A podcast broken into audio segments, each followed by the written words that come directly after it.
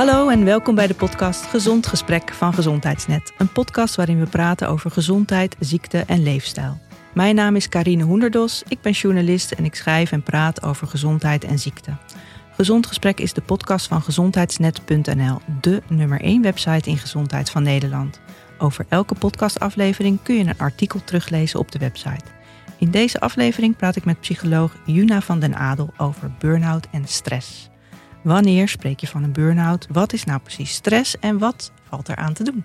Dan, hallo, Juna. Hoi. Leuk dat je er bent. Dankjewel. Laat ik je even voorstellen aan de luisteraars. Jij bent GZ-psycholoog. Ja. En je bent werkzaam bij VIVIC, dat is met een Q op het eind. En dat is een organisatie waar je, uh, dat haal ik van de website, waar je professionele hulp krijgt bij mentale uitdagingen. En VIVIC biedt zowel hulp online als op vele locaties. En het accent ligt op het versterken van je eigen kracht. Ja, ik denk dat we het daar vandaag over gaan hebben, over dat versterken van die eigen kracht. Um, nou ja, goed, jij bent dus GZ-psycholoog. Uh, wat houdt dat precies in? Um, GZ-psycholoog, dan uh, werk je in de GGZ, dus in de uh, zorg voor mensen met um, ja, psychische problematiek. Ik werk zelf veel in de SGGZ, de specialistisch GGZ. Dus mensen die bijvoorbeeld eerst met klachten bij de huisarts komen, nou dan vaak um, bij milde problematiek heb je de POH, de praktijkondersteunende huisarts, waar mensen terechtkomen. En is dat uh, niet voldoende, dan worden ze vaak doorverwezen naar de basis en de SGGZ. Wat tegenwoordig met een nieuw zorgstelsel weer net iets anders eruit ziet. Maar wat neerkomt op dat er vaak meervoudige problematiek is. Dus mensen meerdere problemen. Van meerdere problemen. Ja, ja, of wat complexer, of wat hardnekkiger. Ja. ja. En wat voor problemen moet ik dan aan denken? Wat voor problemen behandel je dan? Ja, um, mensen met depressieve klachten. Um, maar kan ook mensen met persoonlijkheidsproblematiek. Uh, veel mensen die traumatische gebeurtenissen in het verleden hebben meegemaakt of recent. En daar uh, tegenaan lopen en daardoor uh, beperkt worden in hun functioneren. Ja, Oké, okay. En je ziet natuurlijk ook veel mensen met stress. Zeker. en uh, dat, dat is het onderwerp waar het vandaag over gaat en over burn-out. Mm -hmm. um, um, nou, laten we maar eens beginnen met die, met, die, met die vraag. Wat is nou eigenlijk stress? Want stress uh, is volgens mij best wel gezond, een beetje stress af en toe. Ja, mooi. Blij dat je dat al uh, meteen zegt. Ja. Want dat is inderdaad wel een van de uh, misvattingen. En dat begint wel te veranderen. Maar stress is inderdaad een heel gezond systeem. Hè? Een gezond onderdeel van jouw interne systeem. Je wordt aangezet tot actie. Dus eigenlijk, ja, je wordt aangedreven om um, um, in, een, um, in een reactie tot je omgeving tot wat er van je gevraagd wordt. En dan kun je ook veel bereiken. Kun je ja. veel doen. Uh, heeft te maken met het, ook het vecht-vluchtsysteem. Um, dus als ik hier in Amsterdam bijna onder de tram kom, dan heb ik... Is het heel gezond. Is het heel acuut als ik kan wegspringen. Dat er een heleboel adrenaline wordt gepompt. En uh, dat je uh, snel um, in actie komt. Eigenlijk, we noemen dat de snelle route. Dus dan in plaats van dat je nog heel veel erover na gaat denken neemt eigenlijk meteen je lijf het over en uh, komt tot actie. Nou, bij herten is dat bevriezen als ze voor een auto komen. Um, die schudden dan, uh, als, het, als het goed is afgelopen, schudden hun stress ook weer een beetje uit hun lijf. En dat is ook wel een beetje waar het, um, uh, wanneer het, het niet meer gezond is, op het moment dat we niet meer daarna op de rem gaan trappen. Dus het, in het, uh, je hebt het sympathische systeem, die komt in actie. Je hebt het parasympathische systeem en dan kom je ook weer tot rust. Dus stress is helemaal prima, is heel gezond. Maar er moet ook verwerkingstijd zijn. En er moet ook uh, een rem op worden getrapt. En, zo en wat bedoel je met, wat bedoel je met die rem? Ja, dus dat er ook weer uh, dat het systeem weer tot rust komt. Dus dat je hartslag weer rustiger gaat worden, dat de adrenaline weer gaat zakken, dat er weer stofjes vrijkomen van ontspanning. Oké. Okay. Uh, dat je ook verwerkt van wat is er gebeurd. Um, nou, dat kan op allerlei manieren verstaan, maar dat je tijd neemt om uh, ook weer tot rust te komen. Ja, en je zegt daar ligt het probleem vaak. Yes. En wat is dan, uh, wat, is dat dan altijd chronische stress of is dat ook, kan het ook acute stress zijn die niet, waarbij je niet, ook niet goed op de rem hebt getrapt na afloop? Het gaat vaak om chronische stress. Kan, ik, kan natuurlijk uh, acute stress, hè? je hebt posttraumatisch stresssyndroom, dus dan heb je uh, zoiets stressvols meegemaakt dat je brein niet in staat is om dat te verwerken. Nou, daar heb je dan vaak ook hulp bij nodig om weer tot de verwerking te komen, ook weer in de ontspanning. Um, maar het is vaak, en dat, dat, is natuurlijk heel kenmerkend van deze maatschappij. Er zullen in vorige podcast van jou ongetwijfeld ook wel wat dingen over te zeggen zijn geweest. Maar het, ehm, ja, het is een maatschappij die veel van mensen vraagt. En uh, ja, soms denk ik wel eens, is het nou echt um, de persoon die uh, iets niet goed kan, hè, een stoornis heeft? Of is het een beetje de maatschappij die uh, wat gestoord, um, gestoorde verwachtingen heeft ja. van mensen? Ja, net zoals met overgewicht, dat we, dat we zeggen we leven in een obesogene maatschappij, een dikmakende maatschappij. Ja. Leven, we, leven we misschien ook wel in een stressvolle maatschappij? Dat denk ik wel, hm. ja. ja. ja. Oké, okay, en um, wanneer wordt stress nou zo erg dat er een uh, burn-out ontstaat? Nou ja, burn-out is natuurlijk de, de basis van uh, burn-out is dat er een um, factor in zit dat het ook in werkgerelateerde uh, stress zit. Maar burn-out is wel breder. Het is het chronisch overvragen van jezelf. En op een gegeven moment um, ja, zijn mensen die bijvoorbeeld uh, op de keukenvloer in één keer inzakken naar net weer een te veel telefoontje een, um, uh, over wat er gedaan moet worden. En ze merken van ik, ik kan gewoon niet meer. Dat is vaak wel het beginpunt van een burn-out. Dat je voelt ik kan echt niet meer. En dat je geest nog door wil. Het zijn vaak mensen die goed perfectionistisch zijn, goed uh, hoogstreven hebben, die ook nooit hadden verwacht dat ze in een burn-out terecht zouden komen. Denken, ja, dat overkomt mij niet, dat overkomt andere mensen, maar ik kan heel veel aan. Ja. En dan toch tot de ontdekking komen op een gegeven moment, shit, ik heb volgens mij toch echt jarenlang niet voldoende geluisterd naar allerlei signalen van mijn lijf. En dan leeft het, neemt het lijf het zeg maar over. En, dan, ja, en wat gebeurt er dan precies in het, lijf, in het lijf? Wat, wat, wat, zijn dan, wat zijn dan verschijnselen die daarbij horen? Ja, de uitputting. uitputting. Het, is, het is echt je lijf die uh, um, ja, te veel chronische uh, stress heeft ervaren. En nou ja, dan gebeuren er allerlei mechanismes in de hersenen en in het lijf zelf. Daar ben ik verder ook niet gespecialiseerd in hoor. Ik ken er wel uh, wat basisdingen in. Maar het is vooral dat, um, ja, de, dat, dat stukje die strijd tussen de geest en je lijf. Dat je lijf wil niet meer en je geest moet daar nog aan wennen. Ja. En dan komt vaak het proces van, van behandeling. Wat heel veel uit acceptatie ook uh, ja. staat in het begin. Ja. Oké, maar nog eventjes terug naar die, uh, wat je zegt van iemand kan ineens uh, neerzijgen op de keukenvloer en dan is dat uh, burn-out. Maar je ziet ook wel eens dat mensen langzamer zeker steeds vermoeider raken en dat de omgeving eigenlijk al ziet van oh, die gaat niet goed. Ja, ja. Hoe, hoe ont, wat is het verschil daartussen of is daar geen verschil tussen? Nou ja, vaak is het moment dat iemand echt zelf niet meer kan, pas het moment. En je hebt gelukkig ook mensen die daar. Hè, er wordt natuurlijk steeds meer verteld ook over burn-out. En het is, eh, langzaam gaat ook de taboe, de schaamte er wat van af. Um, maar vaak is het moment waarop je echt niet meer kan, lijfelijk pas het moment waarop mensen zeggen: Oké, okay, nu moet ik het echt anders gaan doen. Want je wil zo graag dat je het wel allemaal kan. Ja. Maar ja, er zitten een hoop nadelen aan um, om te stoppen. Ja. En wat zijn dan voorbeelden van chronische stress? Wat zijn, wat zijn ja, noem eens gewoon wat voorbeelden. Is dat de dagelijkse file naar je werk? Of? Ja, zeker. Dat kan zeker meespelen. Ja, maar het kan ook zijn op je werkplek als je onvoldoende ervaart dat je gewaardeerd wordt. En daar um, of veel inslikken. Denken van, nou, ik doe het wel. Um, veel dingen overnemen, moeite hebben met delegeren, waardoor er eigenlijk te veel op je bordje komt. Uh, maar ook het is ook heel vaak combinatie van werk en privé. Dus als je en op je werk uh, bijvoorbeeld weinig autonomie hebt, weinig controle, uh, te veel chronisch wordt overvraagd, maar daar zelf ook geen grens aan stelt, hè, om allerlei overtuigingen of allerlei persoonlijke kenmerken, en dan thuis komt en of door gaat piekeren over je werk of thuis ook weer volop aan de bak moet.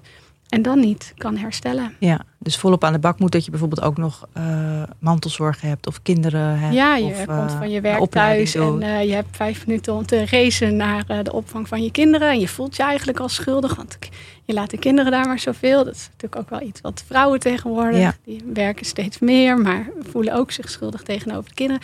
Ja, dat zijn wel processen die de hele tijd maar in je hoofd aandacht en energie vragen. En um, als er dan iets bij komt, bijvoorbeeld je man wordt ziek en jij moet daardoor meer doen, of inderdaad je moet een stukje mantel zorgen voor een zieke moeder, of het gaat niet goed met je kinderen um, en je gaat je daar zorgen over maken, ja, constant maar door en dan s'avonds nog even sporten erin proppen, want dat wordt ook allemaal van ons verwacht. Dat is ook nog gezond houden en dat is ook hartstikke gezond. Maar het gaat erom dat doorhollen en het volproppen en ja, geen tijd voor verwerking. Ja, ja. oké, duidelijk. En um, is het eigenlijk een officiële ziekte? Is het, staat het bijvoorbeeld in, de, in de, dat handboek voor de psychiatrie, de DSM? De DSM. Nou ja, wij klassificeren inderdaad uh, stoornissen aan de hand van de DSM. Eh, dat wordt eens in de zoveel jaar wordt dat weer vernieuwd. Nou, daar is, daar is een podcast vol over te praten. Wel tien podcasten vol over ook de kritiekpunten daarop. Maar dat is wel wat de zorgverzekeraar nu althans nog... mogelijk in de toekomst wordt dat nog wel anders... maar wel de vergoedingen aankoppelt. En uh, burn-out is niet een diagnose, of een klassificatie moet ik zeggen, uh, in de DSM, waar de vergoeding aan wordt gekoppeld. Het, het, is een erkende, het is een erkend probleem. In de ja, het is er wordt onderzoek probleem, naar gedaan, ja. het is niet verzonnen.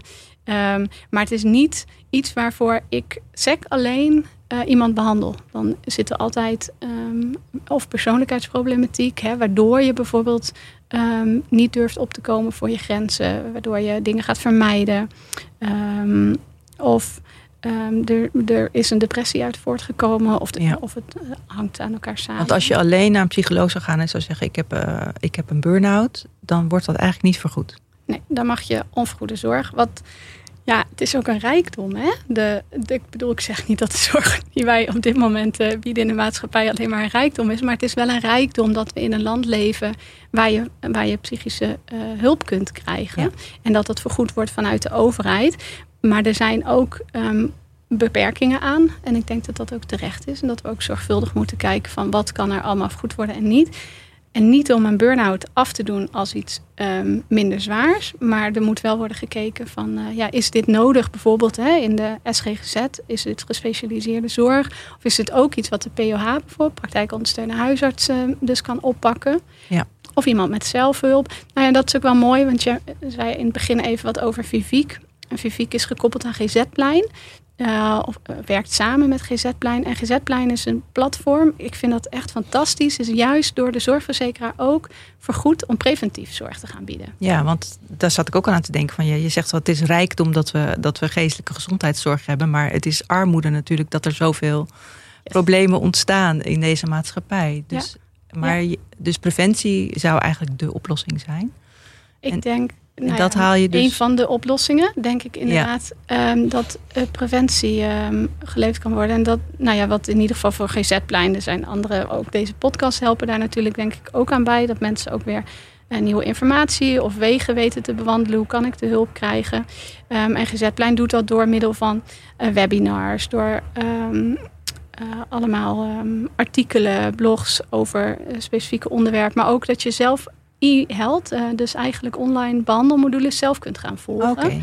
En dan pas als het nog meer nodig is, dan kom je bijvoorbeeld bij Viviek uit. Maar juist de bedoeling, ja, waar haal je je gezondheid uit? Hè? Waar haal je je kracht uit? Waar, waar kun je je energiebalans weer wat... Um, ja, ja, wat, we, wat je in het begin ook al zeiden, van uh, het versterken van je eigen kracht. Daar komen we dan zo nog op terug. En waar vinden mensen GZ-plein? GZplein.nl? Ja, Volgens mij is het GZ-plein met een streepje ertussen. Oké, okay, nou ik denk als je googelt op GZ-plein dat, dat je het wel uh, kunt ja. vinden.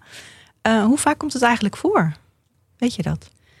Ja, dat zat ik ook te denken uh, onderweg hier naartoe. Volgens mij is er één op de vier mensen die in hun leven hiermee te maken krijgen. Maar ik ben nooit um, de beste in alle cijfers goed onthouden. ja. Maar het is in ieder geval wel iets wat heel veel voorkomt. Ja. Ja, ja, ja ik, ik zat gisteren ook dit gesprek voor te, te bereiden en toen vond ik 17 procent.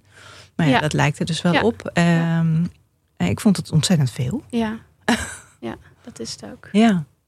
En jij zegt van dat komt met name door die chronische stress die niet goed wordt afgewikkeld. En ook door onze maatschappij, die dus veel vraagt van mensen. Ja. Ja. ja. En de verwachtingen hè, die mensen op zichzelf dan ook leggen. Ja. Om daar aan te voldoen. Ja. ja.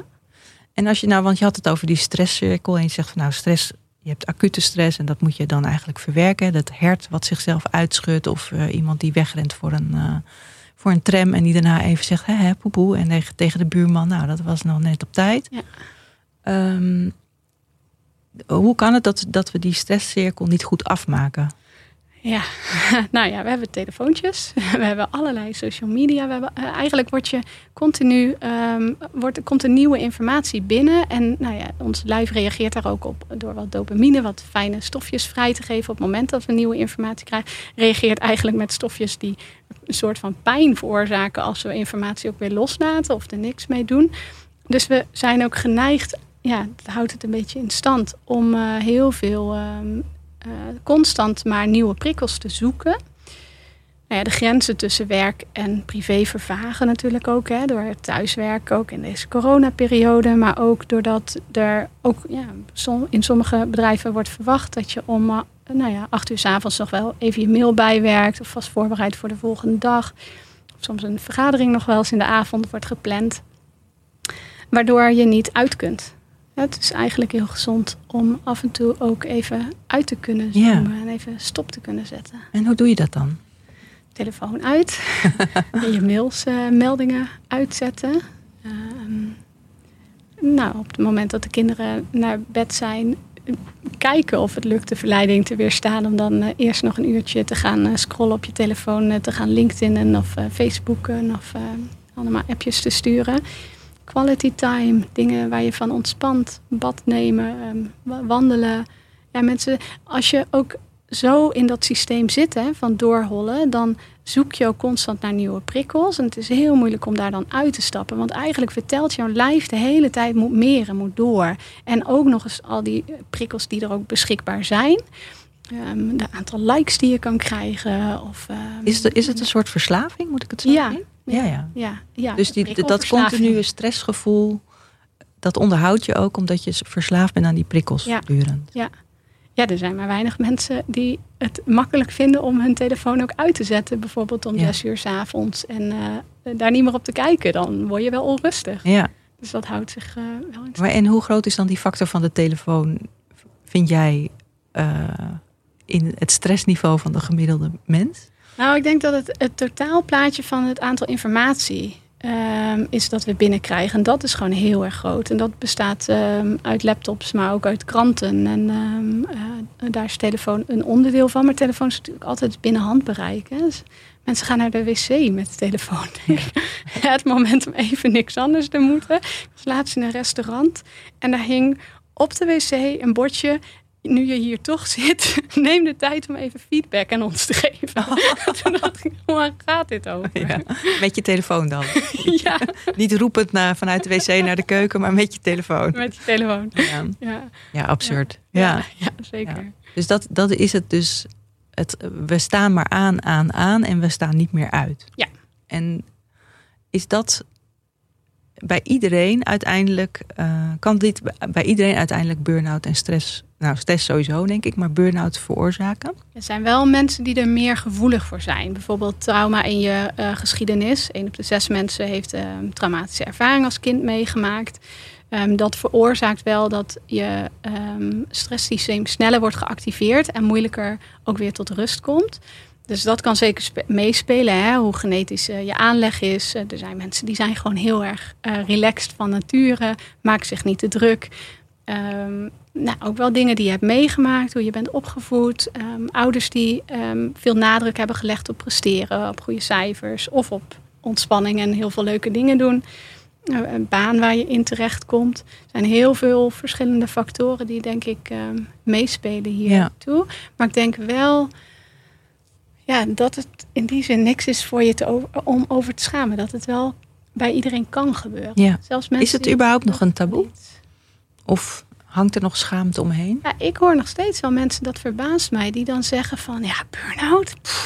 Al die jongeren komen maar in burn-out. En uh, wat een overdreven gedoe. Ik kan, dat, uh, ik kan dan over. Ja, en dan zie je zo iemand tien jaar later zelf in een burn-out tegenkomen. En dan komen en die zegt: Oh ja, ja, dat werkt toch wel wat anders je weet het gewoon niet altijd. Nee. De meeste mensen zijn niet heel erg gewend om naar hun lijf te luisteren. Het zegt ja, veel leven in het hoofd. Ja.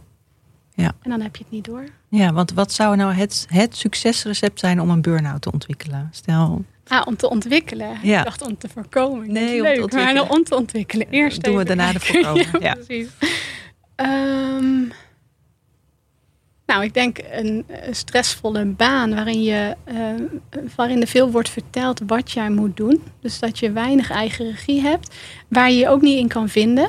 Dus dat geeft natuurlijk nog meer stress, waarin er... ehm, Dat je het er niet mee eens bent wat de baas van je wil. Precies. Ja? Ja? Ja, of een slechte relatie onderling met eh, collega's of met je leidinggevende. Eh, werkuren eh, die boven de eh, 40 uur uitkomen. ehm, en, en dat is absoluut niet sec, hè? want er zijn mensen die dat heel goed wel langdurig volhouden. Maar als het samengaat met weinig regie, weinig autonomie, weinig waardering of slechte relatie met collega's. Nou, als je dat aan je werkkant hebt, als je dan vervolgens op je werk ook nog thuis of thuis nog met je werk bezig bent. Als er veel verwachtingen zijn, veel stressfactoren in je omgeving. En als je ook een beetje een karakter hebt van perfectionisme en ehm, veel eisen. Het moeilijk, moeilijk kan verdragen van jezelf. Dat je ook aan jezelf denkt en dat je je eigen behoeftes op één mag zetten. Ja, dat is wel een goede Het is een goed mix, recept, eh, goed ja. recept. Het is wel een, eh, een standaard recept voor een burn-out. En Ja. hoe zit dat dan met het perfectionisme? Wat is daar... Hoe kan dat dat dat eh, zo'n stressfactor is? Ja, dat zit hem heel erg ook in hoe je tegen jezelf praat. Dus wat je, wat je vindt dat je moet doen. Mensen die ehm, hoog in perfectionisme scoren, die, ehm, ja, die vinden ook, die zijn zo overtuigd van eh, ik moet dit allemaal kunnen. Dat ze überhaupt niet openstaan voor het feit, misschien is dit helemaal niet logisch of is dit helemaal niet normaal of hoef ik dit helemaal niet te kunnen. Dat zachte van ik, ik mag ook. Of het, eh, nou, pff, heb ik helemaal geen zin in. Dat kan ook natuurlijk. Ehm, De grenzen of, of eh, ja, toegeven dat je iets niet kan of niet wil. en niet hoeft, niet wil. Ja. En daar zit natuurlijk vaak ook weer... Hè, en dan kom ik op persoonlijkheidsproblematiek. Maar hoeft niet per se problematiek. Kan ook gewoon persoonlijkheidstrekken, kenmerken, eigenschappen. ehm, van dat je wat angstig bent bijvoorbeeld. Van ben ik dan wel goed genoeg? Of wat gaan anderen dan van mij vinden? Of word ik dan afgekeurd? Hè? Dat kan, maar het kan ook zijn dat je heel veel zorg hebt financieel. En dat je daardoor zo eh, je baas tevreden moet houden. Omdat je anders ook in de problemen komt. Dat je daardoor knel komt te zitten. Oké, dus het kan zijn, zijn zowel factoren die van binnen zijn, hè, dus je persoonlijkheid, en, Ja. eh, maar ook van buiten. Ik bedoel, als Ja. je inderdaad een zieke kind hebt en Ja. je hebt weinig geld, en Ja. dat is natuurlijk ook een recept voor een burn-out, maar daar kan je dan niet zoveel aan doen. eh, Ik denk dat het eigenlijk altijd wel samenloop is van beide. zowel intern als Ja. extern. Ja, Ja. oké. En jij zei net van, ik wil eigenlijk liever een succesrecept geven om een burn-out te voorkomen. Nou, geef het. Hoe kunnen we er zorgen? Kijk, Jonne die zegt, de producer zei al van, dit gaat mij nooit overkomen. Ja, Uh, ik denk zelf ook dat ik niet zo snel een burn-out zou krijgen. ja. Hoe kan dat? En waarom denk je dat? Waarom? Ja, ik denk dat omdat ik ehm, niet geen perfectionist ben. Mhm. Uh, niet in alles in ieder geval. En dat ik heel veel tijd voor mezelf neem. Bewust. En dat ik dat ook lekker vind. Ja. Ja. Ja. En daar ook lekker van kan genieten. Zeker. Ja. Niet met onrust je zit op te vreten. Nee. Over alle dingen die je dan nog moet doen. Nee. Die nee. zich opstapelen. Ja. Nee. Dus jij creëert daarmee ook voor jezelf dan voldoende ruimte. Hè? Dat gevoel heb ik wel, ja. ja. Ja. Nou ja, dat is En, maar ik heb het soms ook echt super druk. En dan denk ik van. eh, eh, ik stop met deze opdracht. Dus ik soms, soms stel ik ook een grens. Ja. ja. Ja. Niet, niet met deze podcast, mensen. Maar, maar is dat een succesrecept? Je hebt vast nog wel meer eh, goede ingrediënten. Ja, nou ja, zeker noem je belangrijke dingen. Ik denk dat het heel, heel belangrijk is om het jezelf te gunnen. Om ervan te mogen genieten. Om... En het ook te leren kennen. Te leren kennen hoe het voelt om ontspannen te zijn. En daar ehm, een beetje in te badderen. Ik hou van eh, lummelen en van mijmeren. En ik denk dat eh, dat ook ehm, eh, goede dingen zijn om te doen. Ook om je, ja, je brein gewoon de tijd te geven om dingen te verwerken. En, maar ook dingen... tijd tussendoor te plannen. Er zijn sommige um, organisaties waar je van vergadering naar vergadering rolt. Um, en er tussendoor nog telefoontjes worden beantwoord. Komt een mailtje binnen op. Het gaat meteen open. Ja, daarin jezelf wat begrenzen. Kiezen van nou, Ehm, welke dingen doe ik wel meteen? Welke dingen zet ik op een prioriteitenlijstje? Hoe ga ik daar vervolgens mee om? Welke momenten pak ik daarvoor? Um, open ik mailtjes die binnenkomen meteen? Of kan ik dat ook ergens op een andere manier uh, inplannen? Uh, welke dingen zeg ik nee tegen? Uh, onder de loep nemen. Wat voor eigenschappen zitten er bij mij die zo triggeren om, toch maar door te gaan? Andere overtuigingen creëren. Daar gaat natuurlijk behandeling ook veel over. Te kijken van welke overtuigingen houdt het in stand. Dus dan zijn er ook overtuigingen die het uh, voorkomen of die uh, zorgen dat je er ook weer uit kan komen. Dus overtuigingen als het is zeg maar oké en het is niks om voor te schamen en ik mag de rust nemen en ik mag ook nee zeggen. En dat is ook oké. Niet omdat nou een soort van positieve affirmaties tegen jezelf te gaan herhalen en dat zal dan het walhalla zijn en de oplossing, maar wel um, ja, wat tegengewichten bieden tegen al die gedachten die jou anders maar helpen om continu door te gaan. Ik ben zelf fan uh, van een stukje mindfulness. Um, ja, ik zei al van heel veel mensen die zijn zo gewend om in hun hoofd te leven. Dus ook om wat meer in je lijf aanwezig te zijn, om signalen te kunnen voelen. Van wanneer voel ik nou stress en hoe voelt dat? Als je maar lang genoeg door hebt van hé, hey, dit voelt eigenlijk helemaal niet fijn. En dat ontspannende wat meer begint te waarderen, dan wordt het ook wat makkelijker om daar af en toe uit te stappen. Om om te schakelen. Ja. ja. En kennis, ik denk dat dat ook mee kan helpen. Dat je weet van oh ja, dit is nu mijn uh, sympathische systeem die uh, flink uh, aan de gang is. Maar ik heb ook nog een rem. En dat is niet wat op dat moment jouw brein jou vertelt dat goed is. Jouw brein vertelt jou gewoon op dat moment dat je door moet rollen. Dus dat wetende kan wel helpen. Uh, vaste patronen, vaste rituelen.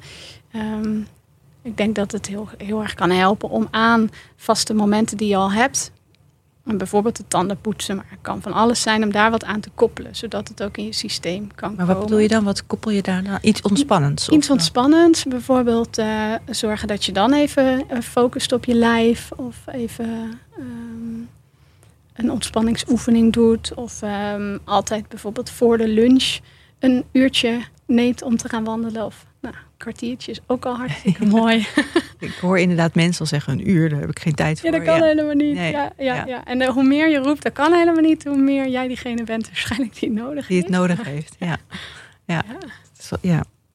Oké. Okay. Um, wat, want dit is preventie, we hebben het al gehad, het recept om het te krijgen. En dan nu de behandeling. Wat, wat kun je eraan doen als je merkt, ik heb echt chronische stress. Uh, misschien ben je al op die keukenvloer ineengestort. Uh, heb je al echt een burn-out, kan je echt niet meer werken. Wat moet je dan doen? Of moet je dan niks doen? Moet je het gewoon laten zijn? Dat, ja, dat vooral denk ik in eerste instantie. Dat is uh, eigenlijk het moeilijkste. Laten zijn dat je het even niet kan. En de meeste mensen komen daar al een heleboel in tegen, wat ze van zichzelf dan vinden. En, uh, je bedoelt het accepteren dat je het hebt, dat dat moeilijk is. Ja, dat jij dus iets niet kan. Ja. Dat, dat het gewoon niet meer gaat. En um, dat dat dus uiteindelijk oké okay mag worden. En dan hoef je ook niet meteen oké okay te vinden. Hoef niet te strijden met ons eigen uh, gedachten die, dat, die daar van alles van vinden. Dat is ook prima, maar dat je daar wel naartoe gaat, stapje voor stapje met. Het is oké, ik ben oké ook als ik niet presteer. Ook als ik niet doorhol. En als ik ja, even iets niet kan. En um, dat gaat vaak met falen en schaamte gepaard. Maar da daar begint het wel mee. Om dat dus ook maar tegen te komen. Die gevoelens van falen, van schaamte. Wat zit er bij jou uh, als uniek persoon onder? Ja. En ik denk dat ook heel veel mensen zullen denken: ja, oké, maar ik moet, uh, ik moet gezonder gaan eten. Ik moet meer bewegen. Ik moet beter slapen. Ik moet ik moet, ik moet, ik moet. Ja. ja. wat is daarvan waar? Wat helpt er en wat helpt er niet? Nou, het is allemaal waar dat het helpt. Het is wel de vraag wanneer en in welke mate. Dus als je. Um, kijk, er is eerst na, na het inzakken op de keukenvloer of uh, na merken, ik kan echt niet meer en je ziek melden op werk. Wat vaak mensen echt lang hebben uitgesteld. Dus op het moment dat je dat doet, dan is er echt wel wat aan de hand om dat eerst serieus te nemen. En echt tijd te gaan nemen. Ik mag gewoon herstellen. Als je dan een soort um, groot plan voor jezelf gaat maken. Oké, hoe kom ik zo snel mogelijk uit de burn-out? Dan ben je jezelf aan het tegenwerken. En dat plan zou dan inderdaad goed kunnen bestaan uit heel veel wandelen en noem maar op. Maar je mag ook gewoon eerst eventjes ziek zijn en het even niet meer kunnen. Ja.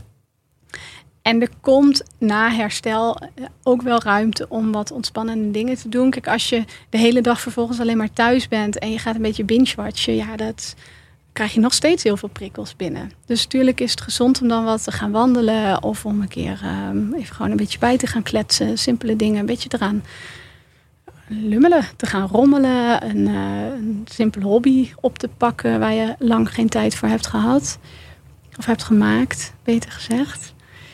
Um, ja, en, en voeding is, is belangrijk. En um, sporten, hoewel dat niet iets is wat mij lukt, maar dat is zeker iets wat heel goed kan bijdragen. Beweging is gewoon uh, hartstikke helpend voor je lijf om, uh, om ook weer wat te kunnen herstellen. Hoe komt dat eigenlijk? Komt het omdat je dan ook beter de signalen van je lijf leert kennen of dat je dan een beetje uit dat hoofd komt? Ja, ik moet zeggen dat ik niet weet hoe het in het lijf, zeg maar, wat er precies allemaal gebeurt bij beweging. Um, maar zeker, je kom je inderdaad wat meer in je lijf, je zakt wat meer. Het is, ik merk in ieder geval dat het makkelijker is om ander, onder wandelen uh, wat tot rust te komen. Gedachten ordenen ze zich een beetje en um, ik, hoef me niet meer druk te maken. En uh, überhaupt het om je heen kijken. De natuur heeft natuurlijk allemaal positieve effecten ook. Um, ja, dus het, het geeft. En het geeft tijd. Het geeft gewoon tijd om even niks te doen. Mits je niet uh, met je telefoon uh, al wandelend uh, ja, door het van, natuurgebied Ik moet meteen de vierdaagse kunnen lopen, Ja. trainen, dat soort dingen. Ja. Ja. Ja. En waarom, waarom duurt het vaak zo lang? Herstellen van een burn-out. Ja, en dat er veel, um, veel is opgehoopt in je lijf. Um, ja, dat, dat, Het duurt ook lang om er één te krijgen, bedoel je? Ja, het is, het is vaak echt wel een jarenlang uh, proces van steeds um, doorgaan, ondanks stresssignalen, daar niet naar luisteren. Um, ja, en dan, ja, ja, je lijf gaat gewoon op een gegeven moment bij alles signalen geven en snel aan en denkt, oh ja, dit wordt van mij verwacht. En dus je hebt, je hebt eigenlijk een soort van al je reserves opgemaakt. En je hebt een heleboel reserves. Dus stress is helemaal prima. Maar ja, die reserves zijn op een gegeven moment op. En maar dan kost het wel tijd om ze weer bij te gaan vullen. Ja. En hoe lang duurt het gemiddeld? Weet je dat? Nee, nee dat zou ik niet weten.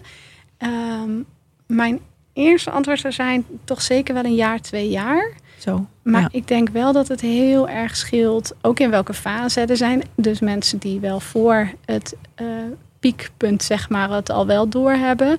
Of mensen die al eerder een burn-out hebben gehad en het daardoor sneller herkennen. Maar er zijn ook gewoon mensen die sneller de knop om kunnen zetten en denken: oh, ja, nee, dit wil ik helemaal niet. Ik ga dit anders doen. En dat ze dan ook lukt. Ja. En er zijn mensen die denken: ja, nee, maar ik ben echt aan het falen. Ik moet echt heel hard uh, mijn best gaan doen om zo snel mogelijk weer uh, wat anders te kunnen, weer meer te kunnen.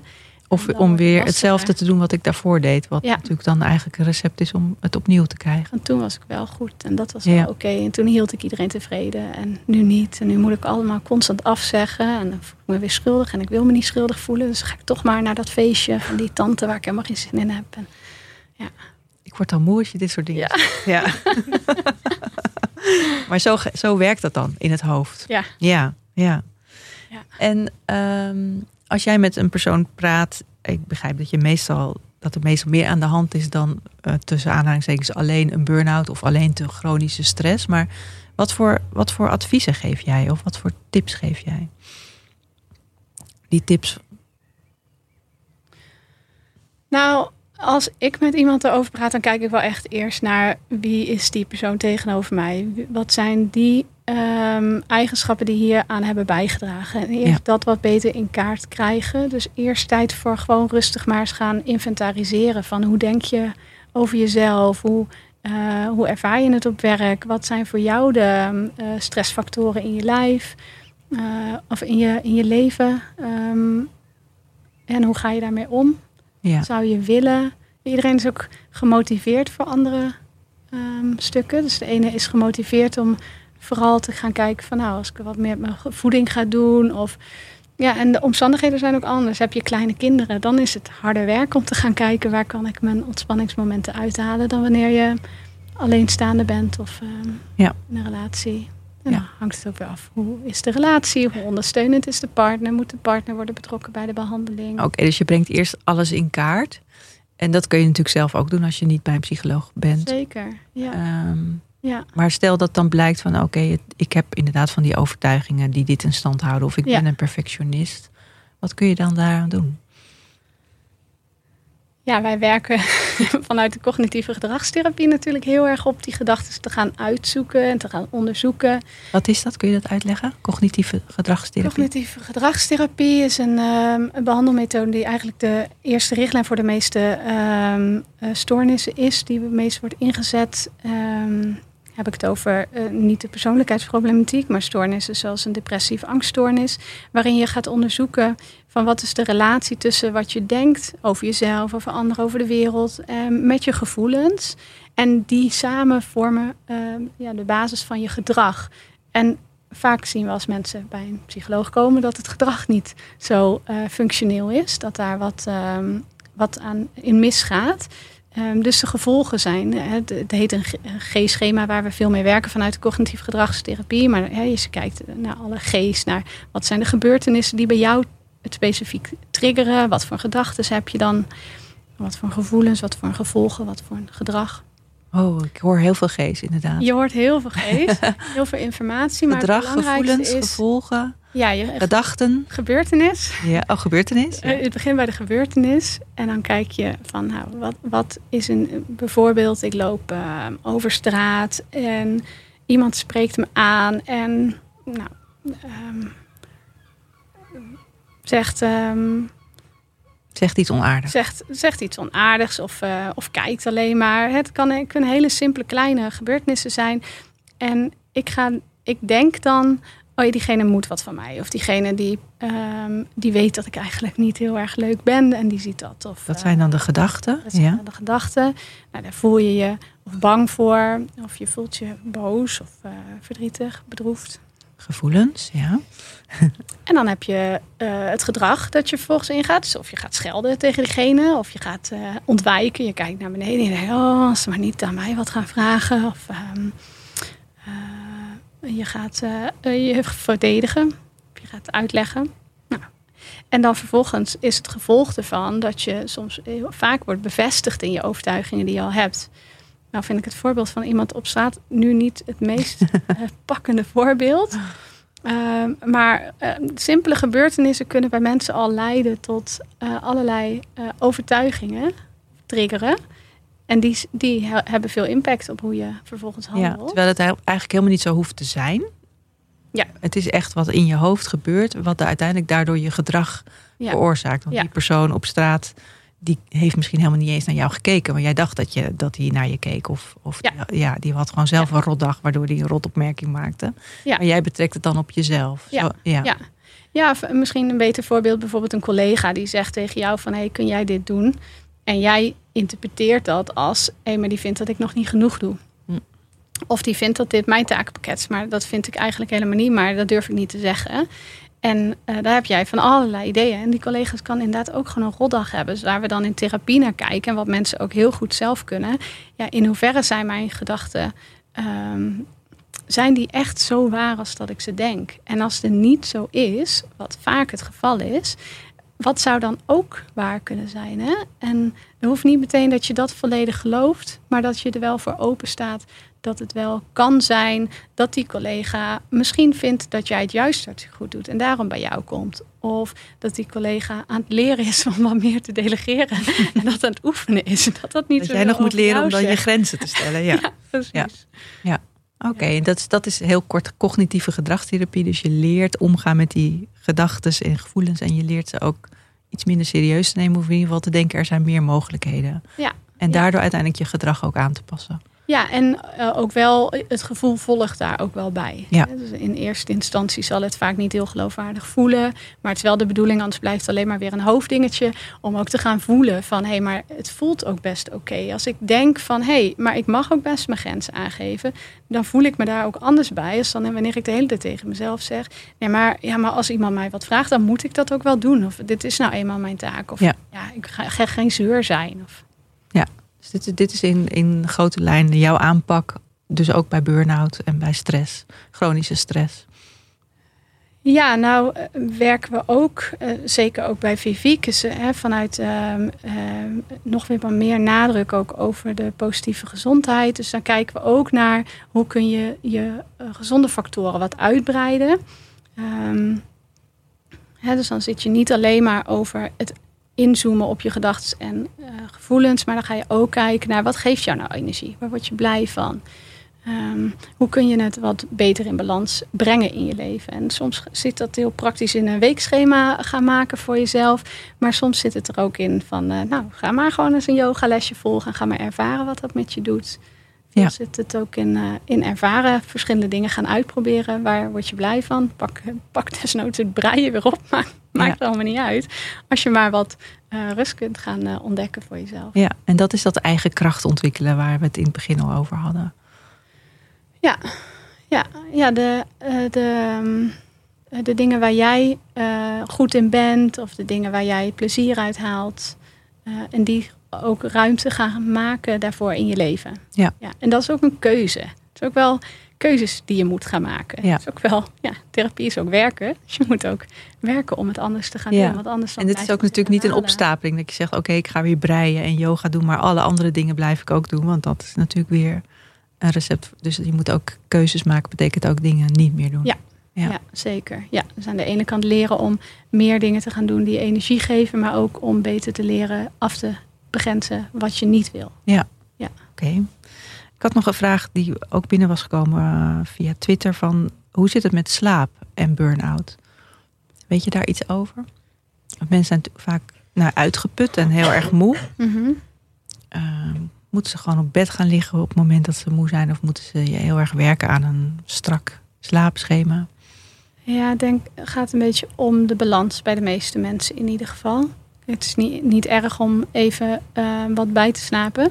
En daar uh, even je tijd voor te nemen. Als dat je dagritme, uh, dag-nachtritme door elkaar gaat halen, dan is het vaak niet zo gezond. Het is ehm, slaap van anderhalf uur is eigenlijk een cyclus. Dan ga je ook door de remslaap in korte, korte fase. En um, dan, dan heb je de hele cyclus doorlopen. Dus in een nacht um, doorlopen we die cyclus bijvoorbeeld zo'n vier tot zes keer. Um, zegt dat goed? Nou ja. En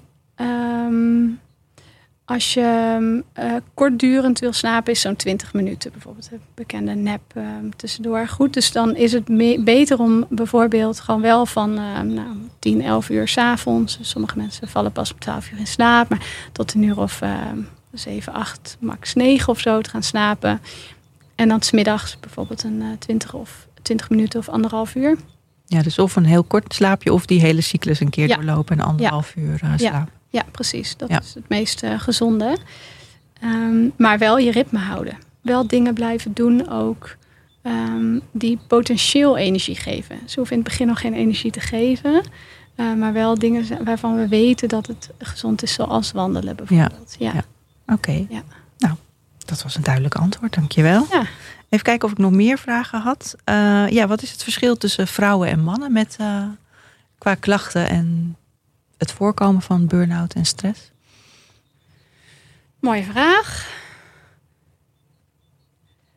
Mm.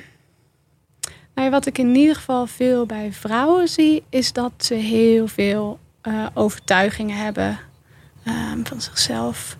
Um, hele hoge eisen. Maar goed, ja, mannen zitten toch ook wel wat meer van um, uh, op werkgebied hoger op willen komen. Ehm, en, en ook in een cultuur, wat, wat daar dan heel normaal in is, dat dat allemaal maar moet kunnen. Mannen die zijn wat eerder ook wel dat ze zeggen van nou dit gaat mij niet overkomen. Kijk, kijk nou ja, heel generalistisch, maar we kunnen ook wat is... meer kijken op mensen die, eh, die dat wel hebben. Wat een, wat een onzin. Terwijl vrouwen, nou, die zijn wat empathischer over het algemeen. Dus die kunnen zich wat meer inleven over hoe het zit. Wat, wat gevoels, uh, gevoeliger voor allerlei gevoelsfactoren. Over hoe andere mensen over hen denken. Um, ja. wat, wat, klassiek eigenlijk allemaal dit. Heel klassiek. ja. Maar zo werkt het dus wel. Wel wat ik zie. ja. ja. En hebben vrouwen ook, uh, want jij zei in het begin ook al een keertje over de crash, kinderen ophalen. Vrouwen voelen zich schuldig, mannen hebben dat misschien minder. Ja. Is, zijn dat ook factoren die meespelen? Ja, ja. ja dat denk ik wel. Ja. Ja, ja ik uh, zou het uh, wat dat betreft wensen dat vrouwen dat stukje van mannen soms wat meer mogen hebben. Van het is allemaal wel best. Ja. Ik zet nu even de knop uit of ik ben er niet. Of het is nu even me-time. En ja, gewoon lekker voor jezelf mogen Ik ga even in de man cave. Ja, ja, ja. precies. We zouden een women cave moeten hebben allemaal. ja. ja. ja. Oké. Nou, ook duidelijk en ook een beetje triest wel eigenlijk, denk ik nog steeds, dat het nog zo'n verschil is. Ja. Um, heb je zelf wel eens een burn-out gehad? Ja. Oh ja? Um, ja. Ik zat in die periode in mijn, uh, net na mijn opleiding. Er, was, er waren bij mij in ieder geval ook veel verschillende factoren. Mijn moeder was overleden en twee weken later begon ik aan mijn opleiding psychologie. En ik, hartstikke jong was je dus? Hartstikke dus? jong. En ik combineerde... Nou, trouwens, nee, ik was 27. Dus dat was mijn tweede opleiding. Oh. Ondertussen nog wat jaartjes uh, tussendoor gereisd. Maar um, ik combineerde het met nachtdiensten. En dat vond ik allemaal hartstikke leuk. En ik vond dat ik het heel goed voor elkaar had. Verdiende goed. Dan heb je allemaal uh, ORT, dus toeslagen. En uh, dus ik had het uh, financieel gewoon, kon ik mijn studie betalen. En kon ik um, blijven wonen. Maar daarvoor moest ik blijven wonen waar ik al zat. Maar daarvoor moest ik wel veel reizen naar de studie toe. Ja, en ik combineerde het gewoon met een sociaal leven dat ik daarvoor had gehad. En, um, en toen kreeg ik mijn eerste baan. En ik was zo ervan overtuigd dat dat zo zeldzaam was. Dat ik heel erg dankbaar moest zijn dat ik die baan had gekregen. Dat ik veel te veel deed wat uh, de leidinggevende... Uh, was dat een baan als psycholoog? Ja. ja. ja. Um, wat de leidinggevende als uh, eisen stelde. En in, het, in ons vak heb je ook met productie-eisen te maken. Hoe gek ik dat ook vind klinken voor mijn werkgebied. Maar dat is er wel en dat geeft ook stress. Ja, en als jonge psycholoog kon ik daar nog helemaal niet uh, dat handelen, dat ik daarin nee zei. En ja, er, gebeurden wel dingen, er werden opmerkingen gemaakt als, uh, als je hulp nodig had. Het ging niet over mij, maar een collega. Van, nou, dat kun je toch zelf betalen, want je zit er toch niet lekker als, dat, uh, als wij dat moeten gaan vergoeden. En nou, er gebeurden allemaal onderbuikgevoelens waarvan ik dacht, ik ben het hier helemaal niet mee eens. Uh, veel onduidelijkheid ook, te weinig autonomie. Um, ja, als ik nog even terugdenk aan het succesrecept, dan heb jij wel echt alle ingrediënten yes. toen uh, ja, ja. aangetikt. Ja. ja. En ook, en echt, ik heb, ik heb best een sterke wil. Dus ik dacht ook wel echt, ik kan dit allemaal.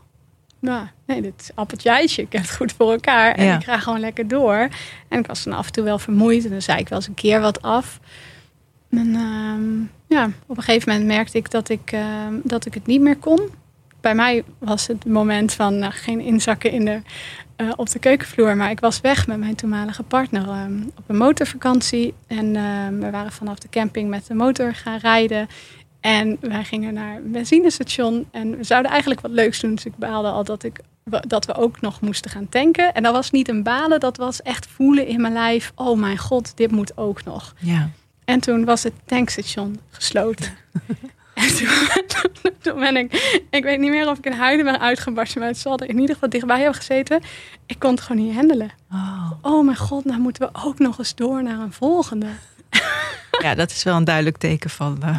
Toen dacht ik wel, oké, okay, dit is echt niet goed. Ja. ja. En wat heb je er zelf van geleerd dat je het zelf hebt meegemaakt? Zeg maar? wat... Nou, hoe ontzettend um, moeilijk het is om toe te geven aan je lijf, aan wat je lijf nodig heeft, hoe, hoe hard je eigen uh, overtuigingen zijn en hoe hardnekkig het is om toch te willen doorgaan. Heeft me echt, wat dat betreft, was ik geen makkelijke, denk ik. Ja. In die periode, ik wou echt heel graag doorgaan. Hoe overtuigingen over uh, dat dat normaal is, dat je dat zou moeten kunnen, uh, hoe dat allemaal het in stand houdt. En uiteindelijk heb ik geleerd hoe ontzettend lekker het is om te ontspannen.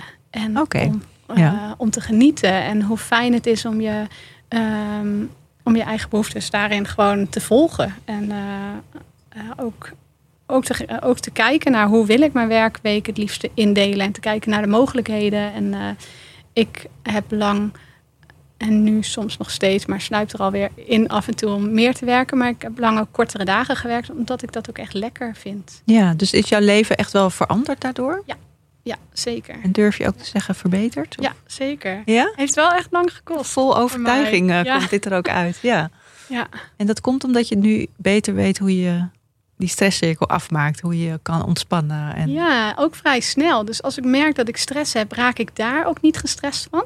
Ja. Dus dan denk oh ja, prima. Het is nu even stressvol, dus ik heb er geen oordelen over. Wat in de beginperiode daarna echt wel heel veel stress opleverde. Van shit, nou doe ik het weer en ik moet dit anders kunnen. En waarom doe ik het nou weer? En wat stom. En ah, waarom kan ik niet gewoon nu even drie minuten pauze nemen? Ik had een drie minuten mindfulness gepland tussen elke cliënt. En ik doe het maar niet. En allemaal hoge eisen en verwachtingen. En nu denk ik, ja, prima. Ik ben vijf uur lang eh, achter elkaar aan het werken. En ehm, ik ga gewoon even door. En ik voel ergens wel dat dit net wat te veel van mij vraagt. En dat de pauze wel lekker zou zijn, maar die neem ik niet. Nou, dat is ook wat het is. En daarna zet ik ook vrij snel de knop om van... oké, nu eh, ga ik ook weer lekker ontspannen. En, eh, en ja, dat voelt gewoon heel lekker. Het is lekker om je hoofd dan wat leeg te kunnen maken... met fijne dingen en eh, jezelf dat te gunnen. Ja. Nou, Ja. Ik vind dit een heel mooi einde. Positief einde. Ja. Het, is, het is niet fijn, die burn-out. Maar als je er doorheen komt en, en er dingen van leert... Hè, dus niet in dezelfde fout valt... dan wordt je leven, als het goed is, ook nog leuker. Ja. Nou, Ja. En dat mag zijn tijd kosten. Ja. Ja. Dankjewel, Juna. Graag gedaan. Je luisterde naar Gezond Gesprek, een podcast van Gezondheidsnet, gepresenteerd door Carine Hoenderdos met producer Jonne Seriese. De Yearlings maakte voor ons de tune. Wil je meer weten over het onderwerp van deze podcast? Kijk dan zeker op gezondheidsnet.nl. En wil je reageren? Dat kan, dat vinden we heel erg leuk. Je kunt reageren via vriend van de show, een high five geven, een opmerking achterlaten of een extra vraag aan de gast stellen. Alles kan. Vriend worden van Gezond Gesprek kan ook al voor 1,50 per maand. Kijk op vriendvandeshow.nl en zoek naar Gezond Gesprek. We zijn verder heel blij als je deze podcast deelt, bijvoorbeeld onder je vrienden of via social media. Dan kunnen meer mensen onze podcast vinden. Tot de volgende keer, tot het volgend Gezond Gesprek.